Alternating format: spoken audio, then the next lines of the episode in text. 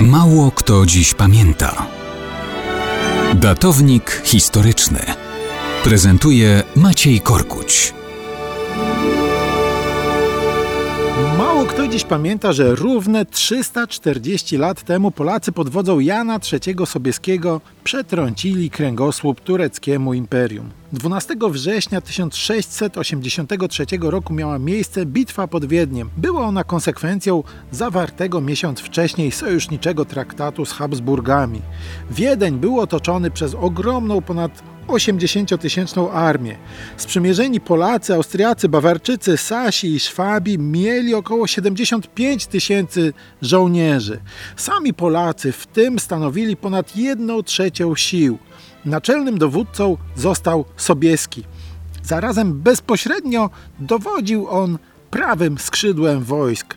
To było starcie, w którym po stronie tureckiej pierwsze skrzypce dzierżył wielki wezyr Kara Mustafa. On spodziewał się uderzenia wzdłuż Dunaju.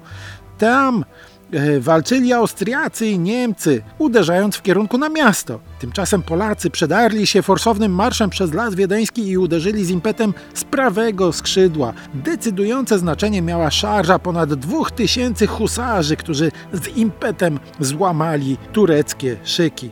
Kawaleria sprzymierzonych podążała tuż za nimi, nie dając Turkom szansy na odzyskanie inicjatywy.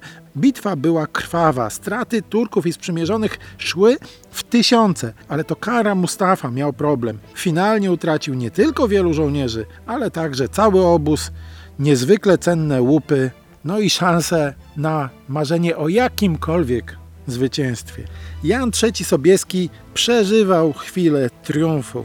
Polska znalazła się na ustach niemal wszystkich europejskich elit. Ale my niestety pamiętamy, że to był ostatni moment sławy przed zbierającymi się nad Rzeczpospolitą i jej ustrojem czarnymi chmurami.